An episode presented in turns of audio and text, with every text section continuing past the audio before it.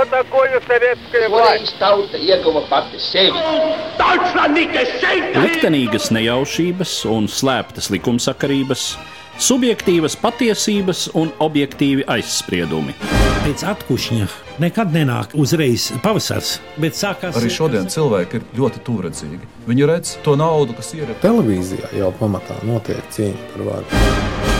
Pagātne no šodienas skatu punkta un šodienas caur pagātnes prizmu. Raidījumā šīs dienas acīm. Katru svētdienu Latvijas radio eterā Eduards Liniņš. Labdien, cienījamie klausītāji! Mūsu raidījums izskan 4. jūlijā, un tā ir ebreju tautas genocīda piemiņas diena. Pirms 80 gadiem, 1941. gada 4. jūlijā, ar Rīgas Horālās sinagogas un vairāku citu sinagogu nodedzināšanu iezīmējās holokausta sākums Latvijā. Par to, kas tad notika konkrēti 4. jūlijā Rīgā un kas notika nedēļās pirms un mēnešos pēc tam, mūsu šodienas saruna. Un mani sarunbiedri studijā vēsturnieki, muzeja ebreju Latvijā vadītājs Ilja Ļenskis. Labdien! Labdien! Un uh, Latvijas Universitātes Filozofijas un Socioloģijas institūta vadošais pētnieks Kaspars Zellis. Labdien! Sveiki! Atsevišķas ebreju slepkavības Latvijā notika jau pirmajās dienās, kad Latvijas teritorijā ienāca nacistiskās Vācijas karaspēks 23. jūnijā, tātad dienu pēc padomju vācu kara sākuma. 1. jūlijā nacistu rokās krīt Rīga, un tad ir šis 4. jūlijas. Kas tad konkrētāk notiek 4. jūlijā? Kāpēc šī diena ir izvēlēta ebreju tautas iznīcināšanas atcerēji? Pirms 4. jūlija bija arī jūlija pašās pirmās dienas, respektīvi, kad tika no saviem dzīvokļiem paņemti vīrieši, apcietināti, visbiežāk aizvest uz centrālu cietumu vai uz policijas prefektūru pie dzelzceļa stācijas, un vēlāk noslapkavoti galvenokārt biķernieku mežā.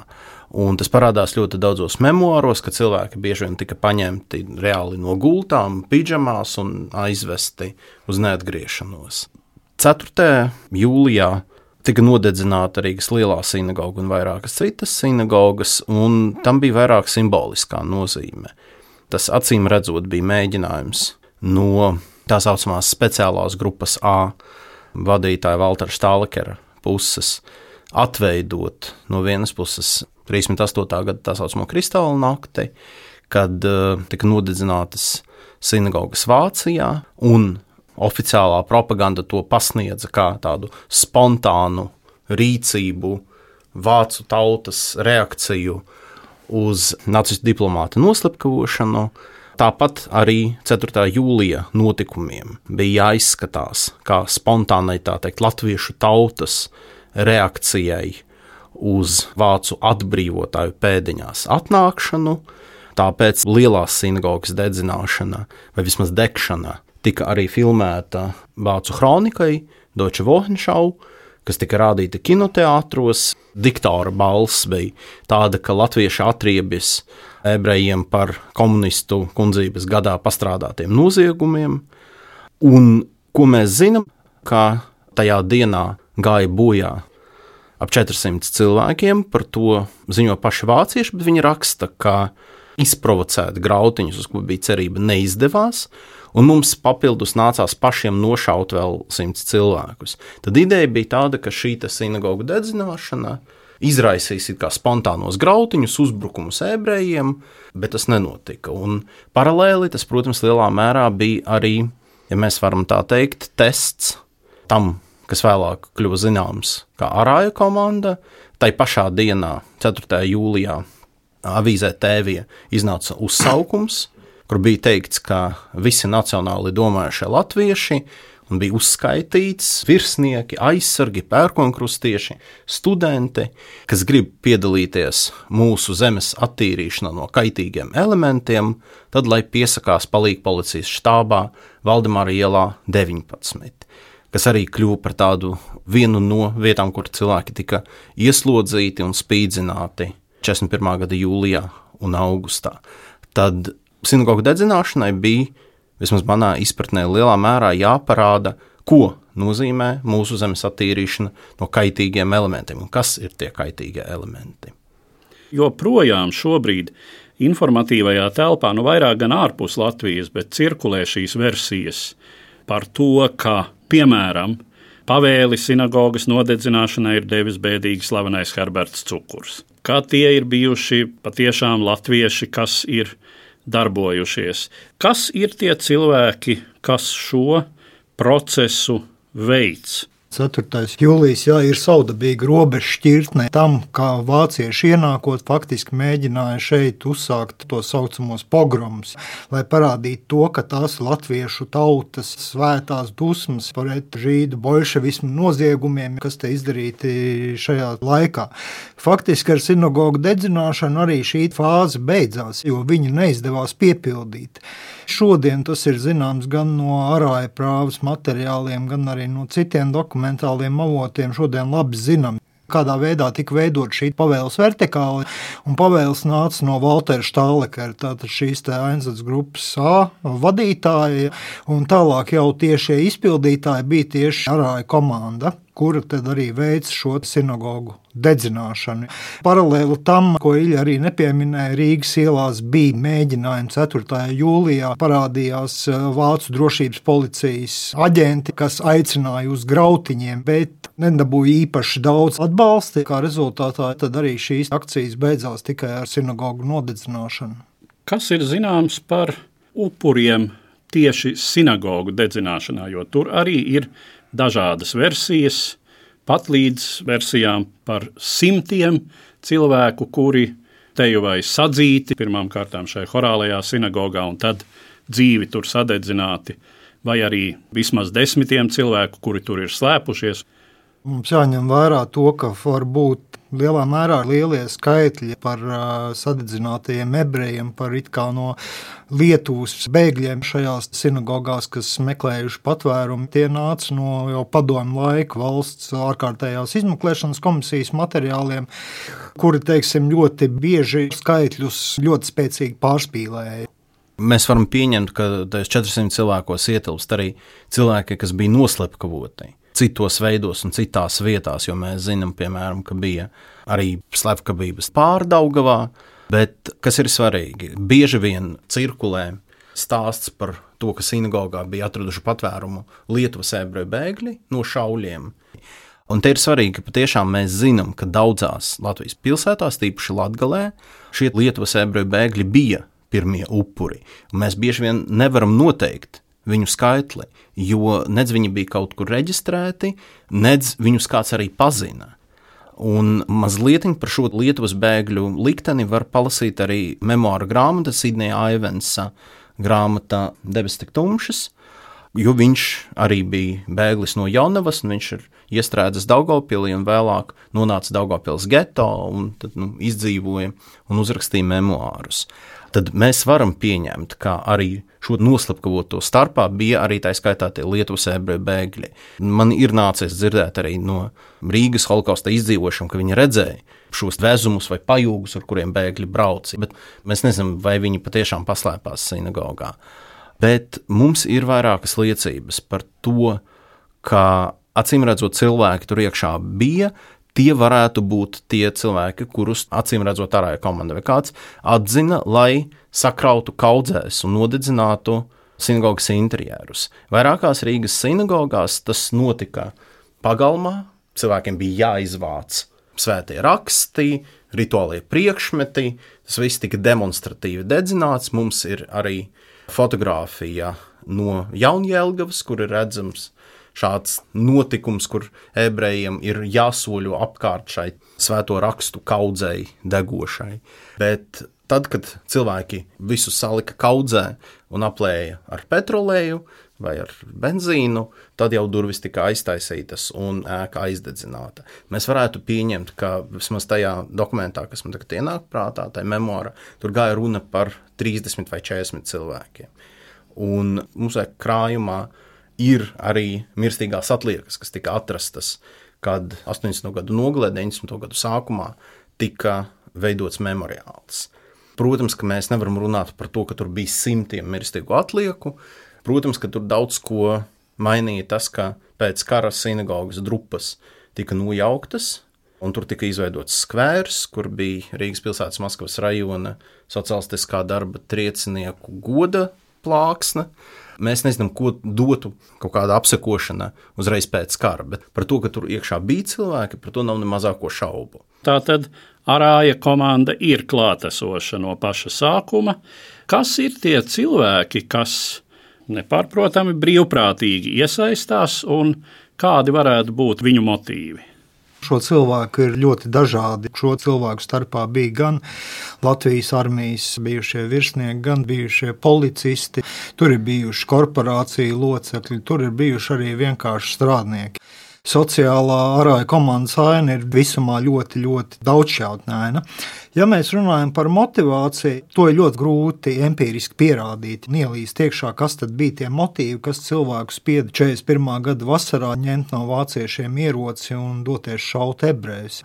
Lielā mērā mēs varam balstīties uz pašu arājas komandas biedru izteikumiem, ko viņi vēlāk ir minējuši savā tiesas prāvās vai tiesas prāvu izskatīšanās, kas notikušas gan okupētajā Latvijā, gan arī citur. Un pirmais moments, kurš mēs nevaram to šodien pilnīgi apgalvot, ka tas tik tiešām bija šis pamatmotīvs 41. gada vasarā, tas ir antikomunisms. Un uz šo antikomunismu un antikomunismu kārtas tiek izspēlēta praktiski lielākajā daļā tiesas prāvu, kas notiek pret šiem arāja komandas locekļiem. Arī pašu arāja, kad tiesāja, tad galvenokārt viņš centās sevi parādīt un pozicionēt kā antikomunistu un visādā veidā centās pierādīt tiesā, ka viņš nav nekādā veidā bijis antisemīts. Vai antisemītisms bija šo motīvu pamatā? ir ļoti grūti pateikt. Un šajā gadījumā mēs varam atsaukties tikai uz varbūt šo vācu propagandu, cik viņa bija veiksmīga šo komunismu sasaistot ar uh, antisemītismu, apgalvojot to, ka ebreji un komunisti tā būtībā vienas medaļas divas puses, un tādā veidā veidojot pamatu motivācijai piedalīties ebreju šaušanai. Te būtu vairāki, bet propaganda, lai cik mēs šodien varbūt atzītu viņas efektivitāti un spējas, viņi tomēr nevar mainīt cilvēka uzvedību par 180 grādiem, mainot tos priekšstatus, tās morāles normas, kas viņam līdz tam ir ieaudzinātas. Un te ir jautājums, vai vairāk šis antisemītisms, antikomunisms neparādās kā motīvu vēlāk, lai attaisnotu savu rīcību gan līdzpilsoņu acīs, jo uz arāju komandas locekļiem, bet arī jāņem vērā ir vesela virkne citu motīvu. Un, protams, te ļoti svarīgi motīvi ir arī materiālā ieinteresētība, ko mēs nevaram nepieminēt. Zināms status sabiedrībā, kur ir tajā laikā nehierarhizēta un atrodas zināmā entropijas stāvoklī. Protams, daudzi arī minēja tādus apstākļus, bet tas vairāk attiecās uz vēlāk iestātītajiem, kad ārāja komandā stājušies, jo bija nepieciešams vienkārši darbs. Un, protams, kas ir varbūt ironiski, ja kā galveno motīvu mēs minam antikomunismu, tad ļoti daudzi arāju komandā stājās arī dēļ tā iemesla, ka padomju laikā viņi vienkārši bija sadarbojušies ar padomju varu un, lai paglābtos no potenciālām vācu okupācijas varas represijām, šī arāju komanda viņiem deva kaut kādu drošību jaunajā situācijā. Kas, starp citu, ir bēdīgi slavenā Herberta cukuru stāsts. Arī, diemžēl, jā. Tas tomēr nevarētu pilnībā piekrist Kasparam, ka antisemītismam tur nebija īsti nozīmes. Acīm redzot, pašā sākumā mēs varētu runāt par to, ka ārāja komandas kodolu veidoja cilvēki, kas nāca no aprindām, kas bija dziļi antisemītiskas. Mēs varam runāt par zināmām studentu korporācijām, mēs varam runāt par pērkonkrustēšiem. Bet tas ir pats sākums. Jau 41. gada vasaras nogalē mēs redzam, ka tur ir dažni dažādi cilvēki. Bet mēs varētu teikt, ka droši vien pašā, pašā sākumā antisemītisms bija nozīmīga motivācija. Bet, kas arī interesanti, es gribētu nocitēt vienu dokumentu, Daugopils policijas pirmā apriņķa priekšnieka pārskats par savu darbību. Tur viņš, starp citu, arī raksta, ka sākoties Vācu okupācijai, policijā pieteicās daudzi tādi, kas bija padomju gadā aktīvi iesaistīti un darbojušies Žīdu iznīcināšanā pirmā iecirknī netrūka brīvprātīgo, kas pieteicās arī šim nepatīkamam uzdevumam. Arī šo uzdevumu izpildījām bez naida un bez kautrēšanās, apzināmies, ka pakalpojam gan sev, gan visai kristīgai cilvēcei. Vispār ļoti interesants dokuments, kur sākotnēji aprakstot pašās pirmās dienas viņš runā par ebreju evakuēšanu, kad vācieši uzsāka ebreju evakuēšanu, bet tad viņš jau pāriet pie terminoloģijas iznīcināšana. Un tas ir pārskats, kas ir iesniegts 41. gada nogalē. Mēs varētu manā izpratnē runāt par to, ka pat ja šie cilvēki, kas bija vēlāk arī iesaistījušies arāja komandā, viņiem antisemītisms nebija vadmotīvs. Un mēs jā, patiešām varētu runāt par to, ka mantkārība bija vadmotīvs vai vienkārši vēlme iegūt darbu bija vadmotīvs. Tad, protams, antisemītisms gan nacistiskās propagandas formā, gan arī pirms tam jau pastāvošais, deva viņiem lielu morālu atvieglojumu. Tas ļāva viņiem iesaistīties cilvēku slepkavībās bez jebkādām sirdsapziņas tā teikt, sāpēm, bez jebkādām problēmām. Viņi apzinājās pēdiņās, ka viņi dara labu darbu un vajadzīgu darbu. Visai kristīgajai cilvēcei. Tas ir attaisnojums postfaktum. Jā, jā, tas ir attaisnojums postfaktum. Mūsu muzeja dibinātājs Vestermaņkungs stāstīja, kad viņš kā pusaudzis uh, geto ieslodzījuma laikā bija nodarbināts kādā noliktavā, tad šīs noliktavas vadītājs, nu, kaut kāds jau gados rezerves dienesta, varbūt kaprāls, ļoti sirsnīgi attiecās pret tiem ebrejiem, kas strādāja tajā noliktavā un mēģināja varbūt kaut, kā, kaut ko ēdumu pat iedot. Nu, tāds sirsnīgs cilvēks bija. Bet viņš skaidroja, man tā kā ir jūs žēl, bet jums ir jāizzūd. Tas ir dabas likums. Respektīvi, cilvēki, pat ja viņi personīgi varbūt, nu, ko, bet viņi ļoti labi apzinājās, un gan propaganda, gan pirms tam antisemītisms deva viņiem tādu sirdsmieru, ka viņi neko sliktu nedara, un tieši otrādi. Vispār holokausta norisi Latvijā, kur tas asiņainākais posms noslēdzas 1941. gada novembra beigās, decembra sākumā ar Rumbulas iznīcināšanas akcijām, Tas tiek iedalīts, kā zināms, divos posmos, un šis pirmais posms, ko ir pieņemts dēvēt par tā saucamo Enzats grupu posmu, jo tātad šīs vācu militārās struktūras, īpašo uzdevumu grupas, speciāli izveidotas frontes tiešās aizmugures attīrīšanai no Vācijai naidīgiem elementiem. Šajā laikā arī ir tas posms, kad, cik var spriest, Šai iznīcināšanā ir iesaistīts visvairāk vietējo cilvēku. Tie ir tie, kuri darbojas tās augtajās pašaizsardzības grupās, kas ir tādas īslaicīgas vāciešu izveidotas vienības no darboties gataviem vietējiem. Un uh, šie cilvēki pēc tam nenonāk arāja komandā, tur vienkārši nav tik daudz vietas, nenonāk citās šajās represīvajās struktūrās. Nu, kā zina, daļa droši vien nonāk policijas bataljonos, bet uh, aprakstot šo procesu, kas pamatā notiek Latvijas mazpilsētās un laukos, tur, kur ebreji dzīvo, tad lielāko tiesu viņus noslepkavo turpat uz vietas. Ierodas vai nu arāja komandas vīri, vai kādi citi, vai reizēm tie ir vācieši, bet tā daļa tomēr domājams ir šo vietējo policistu vai tā saucamo pašaizsardzībnieku. Jā, protams, un šīs vietējās pašaizsardzības vienības, kas zināmā mērā izveidojās arī no šīm spontāni radušajām pretestības grupām, kas parādījās PSRS Vācijas kara sākumā, tāda ļoti skarba tā realitāte, kas faktiski uzliek tādu melnu arī nospiedumu jau uz pašu šo kustības būtību 41. gada vasaras sākumā. Protams, vācieši it kā nevēlējās sevi pozicionēt šajās ebreju iznīcināšanās, un tādēļ bieži vien arī netika manīti. Bet šī pavēļu vertikāle tomēr ir labi izsekojama kaut vai no tiem materiāliem, cik nu viņi ir saglabājušies mums arhīvos. Pavēles nāk no vāciešiem, tad tās tiek nodotas pilsētas vai apriņķa policijai, un tālāk jau tiek organizēta šī iznīcināšana. Ja skatās teiksim, uz Latviju, kur uh, ebreji dzīvoja vairāk, tad tur šīs iznīcināšanas faktiski notiek uz vietām.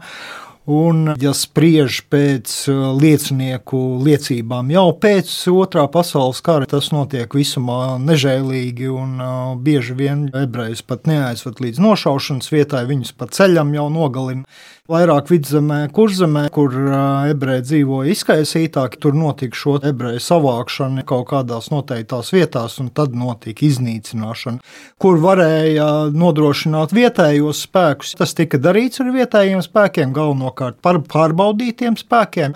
Piemēram, Rēzaknes gadījumā mēs varam redzēt to saucamo Maltas policistu vienību, kas bija pārbaudīta un Faktiski, kad Reizeknē ieradušies esot Maltas policisti, bija skaidrs, ka tur notiks eksekūcijas. Citur, kur vietējos spēkus nebija iespējams tik ātri sagatavot, Tur ar šiem bēdīgi slavenajiem Rīgas satiksmes zilajiem autobusiem brauc jau arāja komanda un slepkavoja.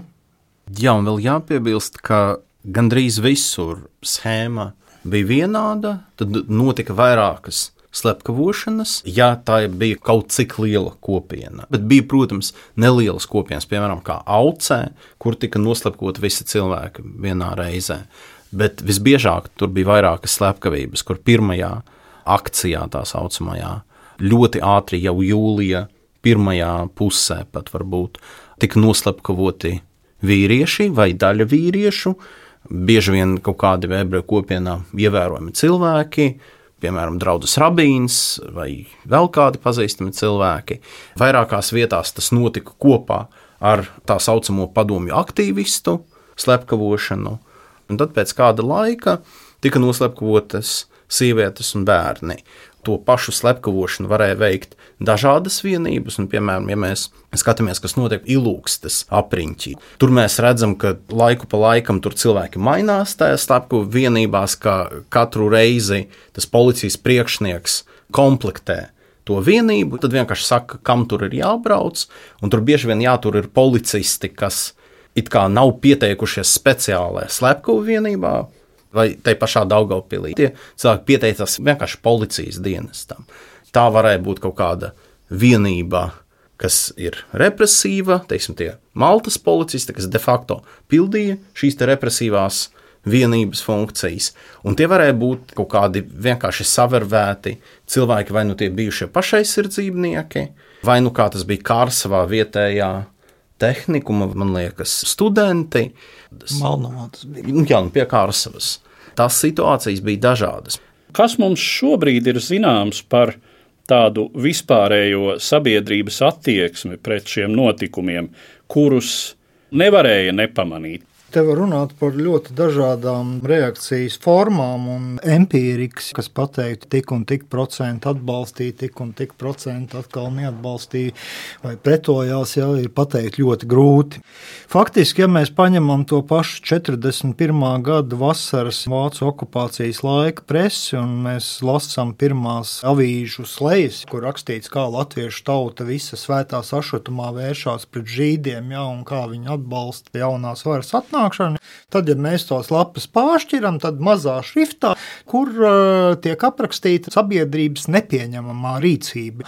Un, teiksim, Rīgā, tad, kad tiek pieņemti pirmie pretebreju likumi, kad no ebrejiem liek nesāt zeltainās zvaigznes, viņiem aizliedz pārvietoties par ietvēm, viņiem aizliedz stāvēt rindā, pēc tam viņiem aizliedz iepirkties neebreju veikalos mēs redzam ļoti daudz informācijas, kur šī presa vēršas pret tiem latviešiem, kas palīdz ebrejiem.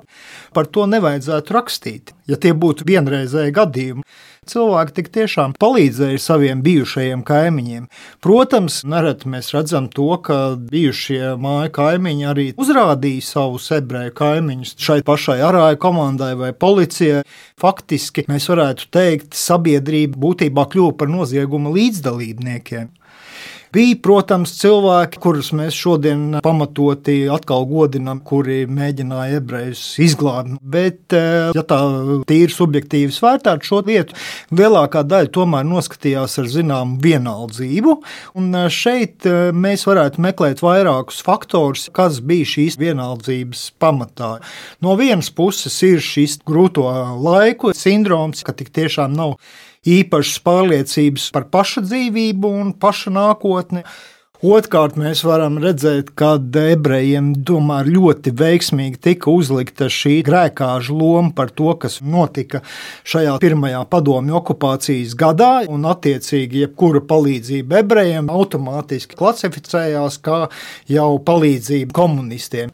Treškārt, jāņem mums vērā to, ka, diemžēl, tajos 20 gados, kad mums pastāvēja neatkarīga Latvijas valsts, mēs tomēr nespējām izveidot kaut cik reālu koncepciju par Latvijas pilsoņu kopumu, ka tie var būt arī ne tikai etniskie latvieši, bet arī citi.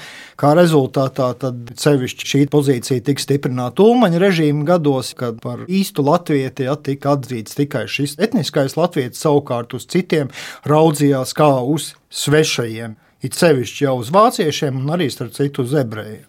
Jā, tā tad kaut kur tomēr pastāvēja šī izjūta sabiedrībā, kura man diemžēl jāsaka, nav pilnīgi izzudusi joprojām, ka viņa nav īsti mūsējie, un tomēr bija tas pamatiņš, uz kura varēja uzlikt to diezgan daudziem zināmajā plakātā lasāmo.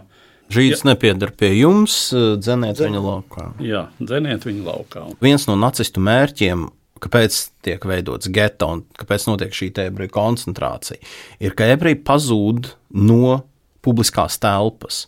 Jūs neredzat šos cilvēkus.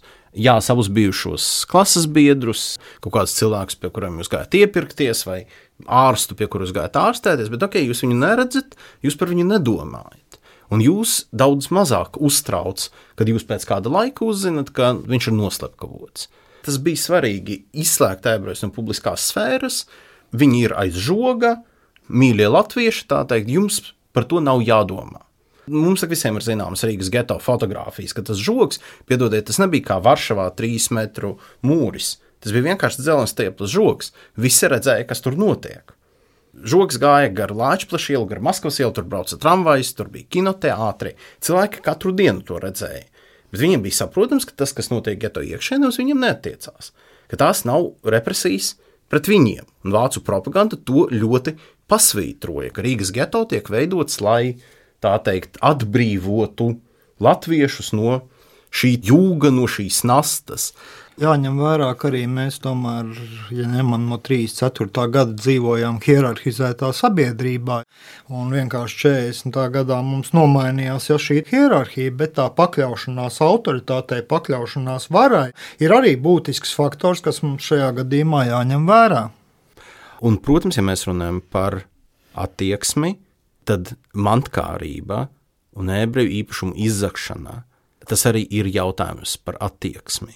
Mēs varam runāt par to, ka nepārprotami slepkavošanā piedalījās ļoti neliela daļa. Mēs varam pieņemt, ka varbūt kopā bija 3-4 tūkstoši cilvēku. Dažādās vienībās, dažādā pakāpē, ja mēs runājam par konvojēšanu, slepkavības vietas apsargāšanu un konkrēti slepkavošanu, tad mēs varam runāt par šo relatīvi nelielu skaitu. Bet tie cilvēki, kas izlaupīja vai kas vienkārši pievāca. Tur jau bija speciāli lietas, ja mēs skatāmies, piemēram, Reizeknas policijas bija izsoles. Ja, tad bija, jā, teiksim, tad cilvēks rakstīja iesniegumu policijai, lūdzu man piešķirt tādam un tādam iepriekš piederošo vērpjamo ratiņu vai divričus, jo man tas ir vajadzīgs. Vai tādam, bērnu tādā. ratiņus vai mēteli. Es neceros, kurā pilsētā bija tas dokuments, kur arī policisti rakstīja, ka, nu, lūk, mēs piedalījāmies slepkavošanā, Un mēs tā kā cerējām, un nu, tur kāda zelta pūkstens būs vēl kaut kas, mūs redz apdalīja. Ka, lūk, mēs darījām labu darbu, mēs esam smagi strādājuši, un mēs esam apdalīti.